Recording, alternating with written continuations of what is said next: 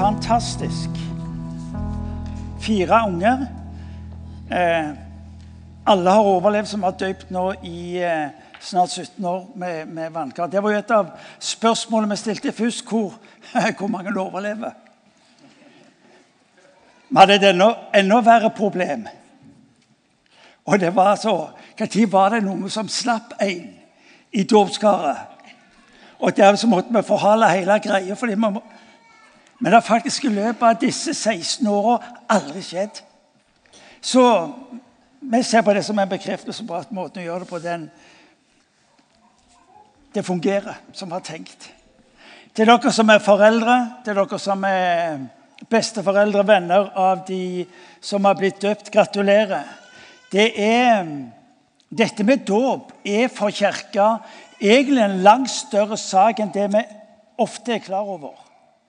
Eh, kanskje fordi at vi har eh, eh, sett på dåp som tidspunkt for navn, det er tradisjon og, og hva vil ikke bestemor og bestefar si hvis osv. Du har alle de der. Men det jeg vil, for jeg skal bruke et par minutter på dette med dåp. for det, det jeg vil du skal få tak i, det er at når du ser dåp, dåpskaret, så ser du en demonstrasjon av Guds godhet og Guds nåde. Hver gang du ser dåp, så skal du få lov til å tenke nå handler Gud. Nå handler Gud. Gud gjør noe inn i denne lille. Dåp handler ikke primært folkens, om navn eller om eh, innvielse eller om du vil, en vakker tradisjon. Dåp er lik Gud. Når Jesus forlater sine disipler, så sier han idet dere døper dem til Faderens, Sønnens og Den hellige ånds navn. Kirka sitt kjennetegn er dåp. Fordi at i dåpen så handler Gud. Tenk tanken at Gud den allmektige, når han ser det lille barnet, ser dåpskaret, så lyder hans ord over barnet. Vannet demonstrerer noe, nemlig død med Kristus, oppreist med Kristus. Og i det skjer det en pakt som Gud aldri svikter eller forlater. Så når du ser dåpskaret, så ikke tenk ja, dette var jo vakkert. Fordi at her handler Gud. Så er det noen jeg må si det også, det er noen som tenker som så ja, men barna skal få velge sjøl. Det interessante er jo på alle barnets ulike arenaer så er det jo foreldrene som velger. Velger tidlig hva mat de skal få, type klær de skal ha på seg, rytmen de skal ha for livet. Hvordan jeg vet det, jo for jeg har gjort det sjøl. Med mine to. Det var ikke et spørsmål om de skulle få lov til å velge. Hvorfor det? Fordi at vi som foreldre ønsker at ungene våre skal få det beste. Og så er det noen som sier nei, vet du hva? ungene skal selv få velge når de blir voksne. Ja, Hvorfor i all verden skal de det? Hvis du har et ønske, nemlig å gi dem det som er det gode. Vi sier at eh, vi må vente til barnet sjøl har fått vett til å gjøre et valg. Såkalt selvstendig valg. Men dilemmaet for deg og meg er at ingen av oss gjør jo selvstendige valg. Det er et bløff, folkens. Våre valg som barn, som ungdom og som voksne det skjer jo på grunnlag av hvilken innflytelse jeg slipper til i livet mitt. Dønn ærlig. Beskytter jeg mine barn mot en gud, et, altså et ateistisk hjem, så er jo det en påvirkning for og mot barnet. Velger jeg for barnet et naturlig møte med en Gud, så er jo det en annen innflytelse. Men ingen av oss er upåvirka av det omgivelser og foreldre velger å gjøre. Dåp er ikke så mye som hva vi forstår som at Gud tar imot. Vi sier at et barn kan jo ikke forstå og handle. Poenget med dåpen er nemlig ikke hva barna forstår, men at Gud handler. Å bli en kristen er ikke primært ditt valg, men dette vanvittige at Gud tar imot. Kristendom, kristen tro, er at Gud tar imot. Vi har gjort det til en subjektiv greie at hvis jeg bare tror nok, føler nok, gjør nok, så blir vår Herre fornøyd med Det er ikke det det er snakk om. Kristendom og kristen tro er dette vanvittige. At Gud den allmektige har steget ned og sagt 'Jeg elsker'. Og jeg elsker så grundig at ingenting, ingen gang, skal verken skille deg fra meg, eller du skal kunne si at jeg trekker meg ifra deg. Dåp er ikke så mye som å forstå som at Gud tar imot. Nettopp tar imot. Så når du ser dåp neste gang, så kan du tenke deg fabelaktig. Der er det Gud som handler. Der er det Gud som tar imot. Her er det Gud som gjør noe i dette barnet sitt liv. Her etableres en pakt mellom barnet og Gud. Og hvordan kan vi la være å gi det plass i vårt liv? Når Guds ord og vannet samhandler, så opprettes det en pakt som Gud aldri kommer til å bryte. Du er min sønn, du er min datter. Det er et mysterium. Og Da er det også godt mulig at du sitter her og tenker jeg ble døpt en gang. Vendte ryggen til hele greia, for det hadde ingen betydning eller mening i livet mitt. Så vil jeg at du skal vite hver gang du ser dåpskaret, så er det en påminnelse til deg om at vet du hva, det jeg gjorde ditt liv den gang, det står ved makt i dag. Jeg har ikke forandra mening om deg. Kristendom, troen på en Gud som elsker, en Gud som ikke gir opp fordi om du gir opp. Det er evangeliet, folkens. I dåpen rekker Gud deg og meg livet. Det fysiske livet fikk vi av mor og far. Men det åndelige rekkes oss gjennom dåpen. I det, sier han, i det dere døper dem til Faderens, Sønnens og Den hellige ånds navn. Dåp er nemlig fellesskap med Han som gir oss liv, og som uttrykker og gjentar, og som uttrykker at ingenting skal kunne skille deg fra Han. For en trøst. For en trygghet. For en tillit du skulle få lov til å møte livet med den vissheten. Når jeg opplever at livet mitt blir kjelket, og det går ikke som jeg skulle ønske, så er det altså et holdepunkt. Jeg skal få se tilbake til noe som Gud gjorde inn i livet mitt. På et tidspunkt som jeg sjøl ikke skjønte rekkevidden av. Det kalles for kjærlighet. Dåp og kors henger sammen. Vi døyper fordi korset en dag ble reist. Og det som umuliggjorde denne relasjonen, den rydder Jesus til sides for deg og for meg. Dåp sier også noe om og det må du få med, dåp sier også noe om evighet. For det Gud begynner med i dette lille barnet sitt liv, stopper ikke ved døden. Vi tilhører i Vesten en såkalt historieløs generasjon. Fordi vi tror livet er fra fødsel til død. Mens kirka, og du vil oppdage de fleste steder på denne kloden, så fortsetter livet etter døden. Det interessante er at vi mennesker vi forbereder det meste av livet, men, men livet etter døden det tar vi som det kommer. Som en bonus, var det en som sa i et intervju. Hør nå. Dåpen minner oss om en Gud som tar oss gjennom døden. En har sagt det slik slik at Gud dømmer ingen til fortapelse. Det velger vi sjøl ved å avvise Guds redningspakke. Så når du ser dåp, så vil du skal få tak i dette fenomenale. At der handler Gud. Der uttrykker Gud her skjer det en pakt. Og denne pakten kommer jeg aldri til å bryte. Om du velger å vende ryggen til han, så vil jeg du skal vite jeg holder det jeg lover overfor deg. Så skjer dåpen, I dåpen skjer så det at han kobler oss til Guds rike. Et annerledes rike. Et rike hvor Jesus er herre.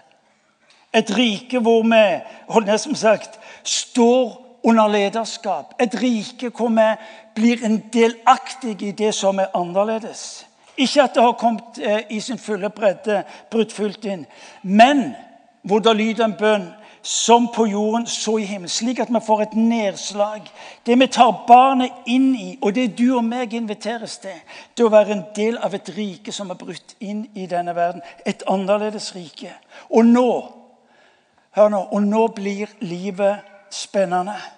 For det handler ikke lenger bare om meg, men om denne Jesus Kristus, som er kommet inn i denne verden med Guds velsignelse for at du og meg skal få lov til å leve ut ifra Guds velsignelse, så må du få med et Guds ord. Du skal få litt mer seinere òg. Men hør, hør hva som sies om ditt og mitt liv. Velsignet er Gud, står det i Efeserbrevet kapittel 1, vers 3. Velsignet er Gud, vår Herre Jesu Kristi Far, Han som i Kristus har velsignet oss med all åndens velsignelse i himmelen. Du er altså, Når du ser på det lille barnet, så tenker du for barnet, men også for deg. Dette barnet velsigner med all åndens velsignelse i himmelen. Det betyr alt det Jesus representerer, er nå til stede i dette barnet. Fadderens oppgave å sørge for å, å nøre dette livet, hjelpe det fram, stimulere, slik at det kan få lov til å leve ut og leve i det livet som dette representerer. I Kristus står det uh, I Kristus utvalgte han oss før verdens grunnvoll ble lagt. Det står for hans ansikt, hellig og uten feil. At vi skulle få rett til å være hans barn ved Jesus Kristus. Ved dåpen blir du, får du retten til å bli Guds barn ved Jesus Kristus. I ham har vi friheten. Vet du hva? Den som er døpt, den som er en Jesu etterfølger, får lov til å være fri i denne verden tross alle de former for uttrykk. Så leser vi litt lenger ute. I ham er vi også blitt arvinger, vi som på forhånd var bestemte det etter Guds forsitt. Gud tar oss inn i en dimensjon som er av en slik en karakter at alt er plutselig. Alt er plutselig mulig. Og Så sier Paulus på slutten i dette brevet.: Jeg ber om at vår Herre Jesu Kristi Gud, Herlighetens Far, må la dere få en ånd som gir visdom og åpenbaring, så dere lærer Gud å kjenne. Mangler du visdom, så vil Gud gi deg det, står der. Må Han gi dere lys til hjertets øyne, så dere får innsikt i det håp Han har kalt dere til, hvor rik og herlig Hans arv er for de hellige, og hvor overveldende Hans kraft er hos den som tror Får vi litt til. Med denne veldige kraft og styrke reiste han Kristus opp fra de døde og satte ham ved sin høyre hånd i himmelen. Hør, der står og over alle navn som nevnes kan, ikke bare i denne tiden, men også i den kommende. Han sier altså at vi, du og jeg, som en del av Kristi kropp, har den kraft og det liv som kjennetegner Jesu liv. Dette er det dåpen minner oss på. Dette er det liv som du og meg skal få lov til å være en del av. Hvor mange av dere ønsker Spørsmålet er litt sånn såkalt retorisk. Hvor mange av dere ønsker å bli velsigna? Og de fleste av oss vil si jeg er klar. Ja, men på et nytt nivå. Ikke bare sånn for at dagen skal fortsette som man gjorde, men på et nytt nivå. På den ene sida sier Bibelen at alle mennesker er velsigna. Det har noe med regnet det. Det har noe med sola det. Det har noe med det normale livet på denne kloden. Men Bibelen taler også om et nytt nivå. I Lukas 6, 38, som er hovedteksten vår i dag, så står det Gi, så skal dere få et godt mål. Sammenristet, stappet og brefullt, skal dere få i fanget. For i det målet dere selv måler med, skal det også måles opp til dere. Ønsker du å bli velsigna, så sier Bibelen ja, så gi, da. Du avgjør graden av Guds velsignelse på ditt liv. Liker det eller ei? Liker det eller ei? Men det er det der står. Gir du lite, ja, så får du lite. Gir du mer, så får du mer. Vi snakker ikke om frelse, men vi snakker om et liv rikt, meningsfullt har betydning, så tar altså Bibelen utgangspunkt i det han har gitt deg. Bibelen sier 'gi'. Velsignelsen defineres ikke ut ifra omstendighetene, men ut ifra hvordan du og jeg tenker og handler. Det er interessant at denne teksten har sitt utgangspunkt i å tilgi de som forfølger deg. Tilgi Eh, og, våg å være en annerledes i møte med det som er vanskelig. Dåpen tar deg inn i livssamfunnet med Jesus Kristus. Jeg lever ikke lenger for meg sjøl, sier Bibelen, men jeg lever i Kristus Jesus. Kristus i meg, sier Bibelen. Håp om herlighet. Du kan forandre situasjonen du befinner deg i, ved å våge å være i det han har for deg. Mitt spørsmål til deg blir, som det er til meg, hva er vårt fokus? Hva er det du går på? Hva er det du drives av? I Matteus kapittel 6, vers 33 så gir Bibelen egentlig én en enkel forklaring på det som er din og min utfordring i livet. Det er 'søk meg'. Søk Guds rike, står det, og du skal få alt andre i tillegg. Du og meg er eksperter på å søke alt det andre før vi våger å søke Han. Livene våre er ofte de andre alternativene, og så kommer Gud som et såkalt siste. Søk meg, og så skal du få alt andre i tillegg, sier han. I teksten som vi leste, så står det 'gi, og du skal få'. Altså Det vil si, gir jeg lite, så får jeg lite. Gir jeg mye, ja, så får jeg mye. Og jeg har levd lenge nok til å vite noe om det. Nå skal ikke jeg si jeg er blant de eldste her, men av hårmanka mi så, så skjønner du at jeg er noe sant. Det er faktisk velsignelse i måten du forvalter det Gud har gitt deg. På samme måte som jeg gir ut på livets ulike områder, betaler seg tilbake. Ja, Hvordan er det mulig? Jo, fordi at hvis jeg gir ut Ser du hånda mi? Gir jeg ut lite, ikke mye oppi der, men gir jeg ut mye, så kan Herren få lov til å fylle opp igjen. For det er jo det som er dynamikken. Guds rike Jesus Kristus leter etter mennesker som han kan få lov til å velsigne på en slik måte at omgivelsene merker det. Her må åpne dørene. Må åpne skuffer så det kan renne ut. Men hvis du begynner å gi på slutten etter du har gjort alt det andre, så er min, erfar min erfaring Du har ikke mye igjen. Men starter jeg med å gi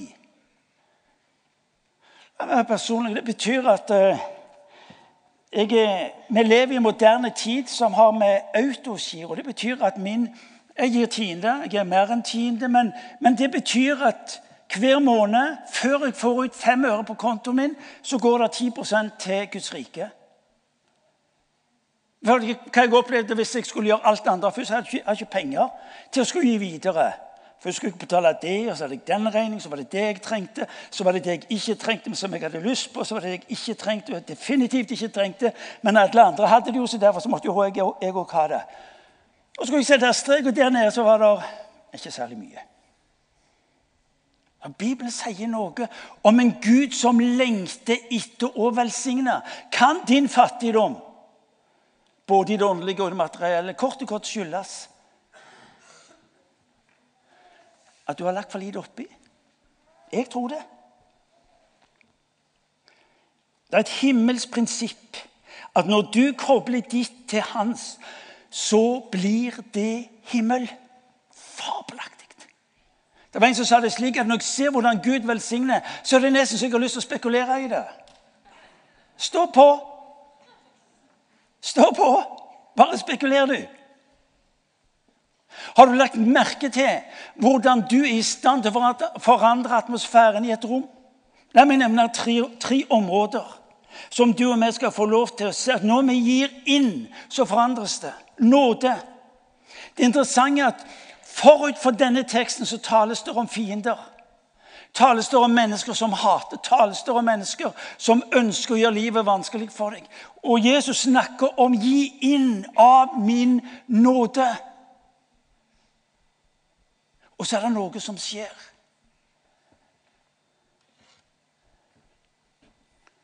Så er det noe som skjer. Når du kommer inn i et rom, inn blant mennesker, inn i et arbeidsmiljø, så kan du velge å bli en del av en kultur, eller du kan si nei, inn i denne kulturen vil jeg plante noe annet. Jeg vil plante godhet inn i denne kulturen. Jeg vil plante omsorg inn i denne kulturen. Jeg vil plante nåde inn i den kulturen. Og hva er det som skjer? Vi har så mange vitnesbyrd om når mennesker bestemte seg for å gi, så forandrer de kulturene.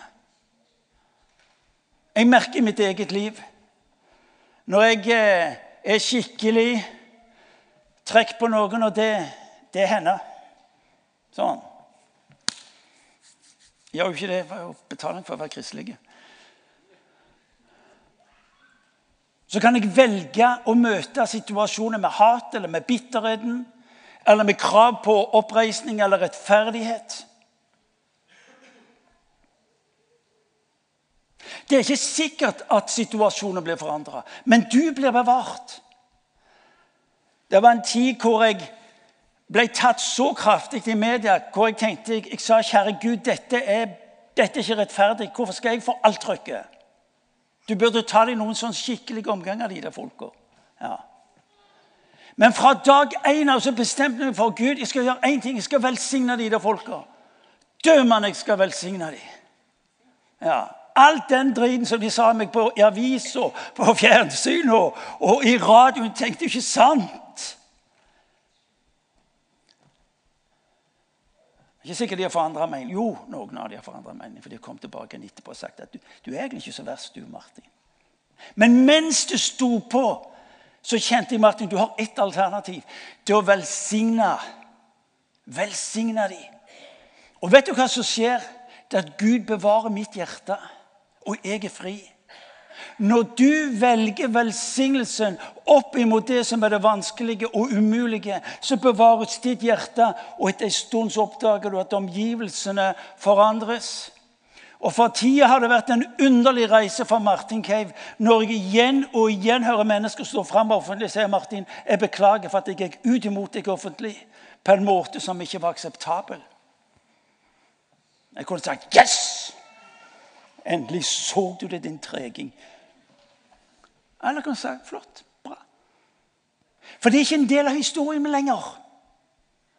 Fordi Gud setter meg fri. Når du velger å gi ut av nåde, når du velger å gi ut av omsorgen, når du velger å gi ut av det som har med hans ubegripelige nåde, tilgivelse, you name it, så settes du fri, og du vil oppdage at omgivelsene forandres. Gi og du skal få. Jeg har fått langt mer igjen av den velsignelsen som jeg i sin tid ga utover disse folka. Jeg, for å være helt ærlig, jeg, jeg var jo som David òg av og til. Når jeg ba ham om å velsigne dem, for jeg tenkte Gud, hvis du nå velsigner dem, så kommer de kanskje til sans og samling. Det var den ene gangen. og Den andre gangen sa Gud velsign dem, og om du tar livet av dem, så er ikke det så farlig. Ja, David òg var jo sånn. Så det kan jo jeg òg gjøre. det. Vi vurderer ikke mennesker for hva de har gjort eller gjør, men for hvem de er. Og da ser Gud de menneskene som du har konflikt og problemer med, annerledes enn du og meg. Så blir velsignelsen Guds mulighet til å berøre. Hør, hva så du inn i omgivelsene av nåde? Det andre jeg vil du skal få tak i. Jesus ble avbrutt hele tida. Hva gjør du med rommet, med tida du er gitt? Jesus ble avbrutt hele tida, og han lot det skje kontinuerlig. Og Senere fulgte det kirka. Hør nå, din dag er en dag for guddommelige forstyrrelser. Så gjør noe med det. Så gjør noe med det. Ikke lev så travelt, så fokusert på ditt og dine og jobben og alt det du skal gjøre, at du mister disse mulighetene Allmaktens Gud tar bolig blant oss på jord. Han har et konkret oppdrag han skal gjøre. Og underveis mot dette så blir han stoppa hele veien. Og når han blir stoppa, så stopper han opp. Og så gir han ut av Guds nåde, av Guds kraft, av Guds helbredelse. Vet du hva? Du og meg kalles til å gi ut i det tilfeldige. I det som det ikke skjer lenger noe med folk. Jeg husker jeg en gang ble sånn delte noe av dette livet og frimoden på å be for. Det var syke. Og, og så var det en som ja, ser du folk blir helbredet. Ja, jeg ser folk blir helbredet. Ja, fortalte du de om Jesus, da? Ikke et ord, sa jeg. Men jeg tror de gjorde en erfaring av at Gud var god. Du og meg er kalt til å bety en forskjell ved å gi ut av Guds rikets skrifter der menneskene er. Senere fulgte det kirka.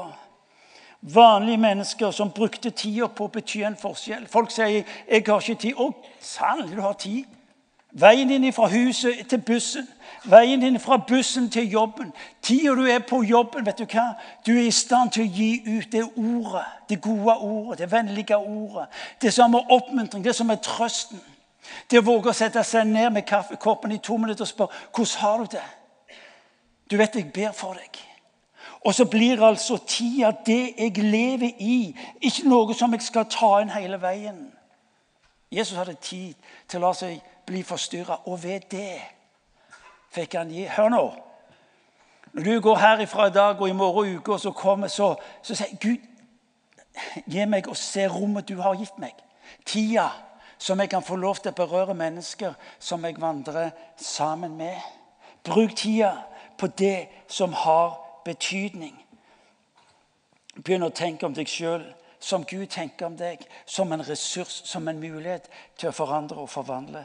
Det siste ordet eh, dere skal få med dere, første var nåde. Det andre var rom og tid, og det tredje er ressurser. Eh, jeg har sagt 'gi skjorta av deg'.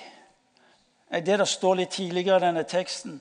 Det står her at eh, om noen tar fra deg kappen, så nekt ham heller ikke skjorten. Ja. Gi til hver den som ber deg, og om noen tar fra deg det som er ditt, så krev det ikke tilbake. Jesus innfører en litt sånn annen type måte å relatere til hverandre på. Gi skjorta. Det er mulig at du utfordres på ting som du tenker dette er jo mitt. Nå skjer det noe som ikke nødvendigvis er rettferdig.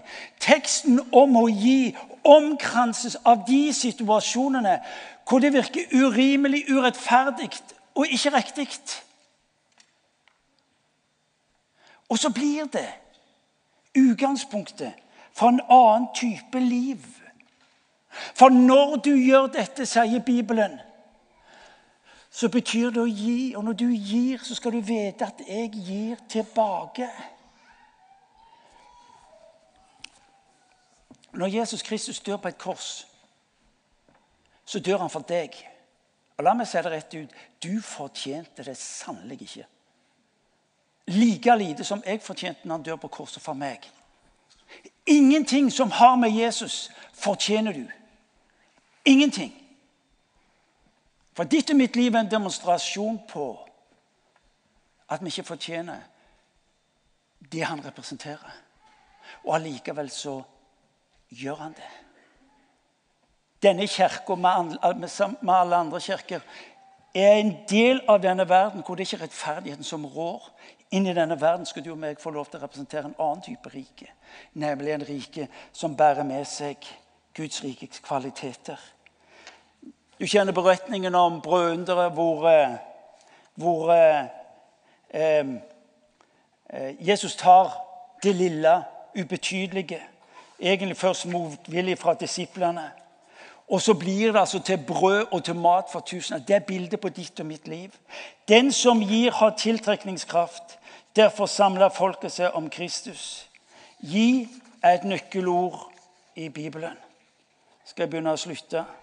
Den som gir ut velsignelse, blir sjøl velsigna, sier Bibelen. Om Abraham løy det Abraham i ditt navn skal alle slekter velsignes.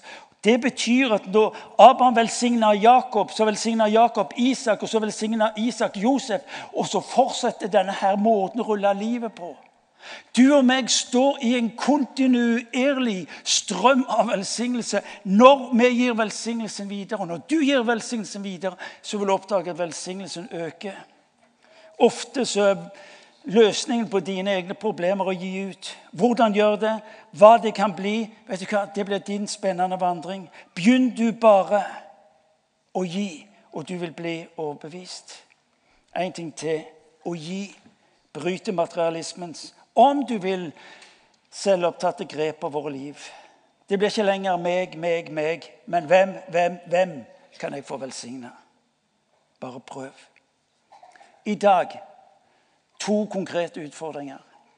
I dag utfordres vi konkret på flyktninger som kom til landet vårt. Mange er urolige, mange er redde. Mange spør hva betyr dette, hva blir dette? Frykten for dette har ulike ansikter. Noen er nå endres kulturen vår. Norsk kultur endres.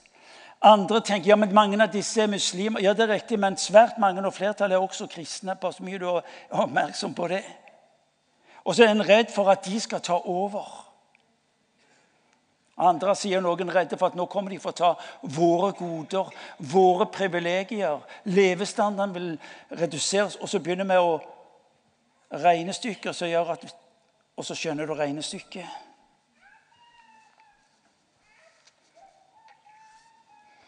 Å være med i IMI er å sprenge grenser og utvide landområdene. Det var det Guds mening var tenkt på denne kloden.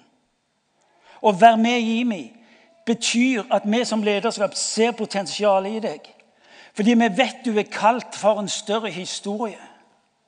Vi vil at du skal ha betydning i hjemmet. Vi vil du skal ha betydning på arbeid. Vi vil du skal ha betydning i samfunnet. Vi vil at du skal ha betydning i skole. Og Når vi nå er opptatt med flyktninger, så vil vi at du skal rydde bordet. Vi vil at du skal åpne hjemmet ditt, slik at de kan erfare at du gir og gir ut i rikt mål. For når du og meg gir ut, så betros vi mer. Menighetens medlemmer, du som er på besøk, du kan høre det, så kan du praktisere dette i din menighet. I denne måneden så utfordres vi på giveraksjonen. Det vil si, vi utfordrer dere på å gi mer, øke, rett og slett fordi vi ønsker å bety noe mer. Eh, utvide grensen vår i byen og i landet og videre utover. Vi vil at de skal få lov til å erfare at vi er et folk som gir som vi aldri før har gitt. Jeg sa noe om vår historie. Folket snakker om oss. Alltid. Før var det pga. at de ikke forsto oss. I, det, I, dag, fordi mange av de bare siste uka så har snakket med tre forskjellige prester som omtaler Imi som et forbilde. Det er dere som er et forbilde i tro, i kjærlighet og i overgivelse. Det er det denne verden roper etter. Og som det står i Esters bok, kapittel 4, vers 14 Ester, kanskje var det fra denne tid du fikk dronningverdigheten. Hør, folkens.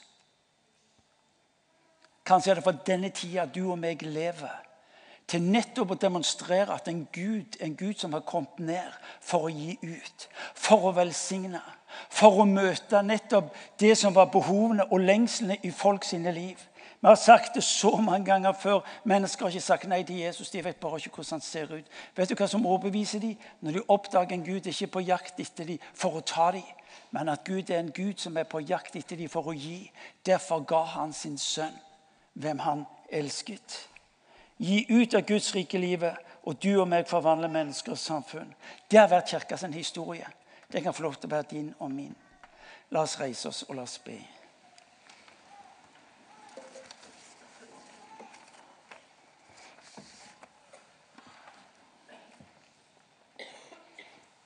Herre Jesus Kristus, jeg takker deg fordi du kommer til oss som den som elsker. Kjære Jesus, jeg takker deg fordi du kommer til oss fordi at du betalte en pris. Herre, du sendte oss ikke en bruksanvisning.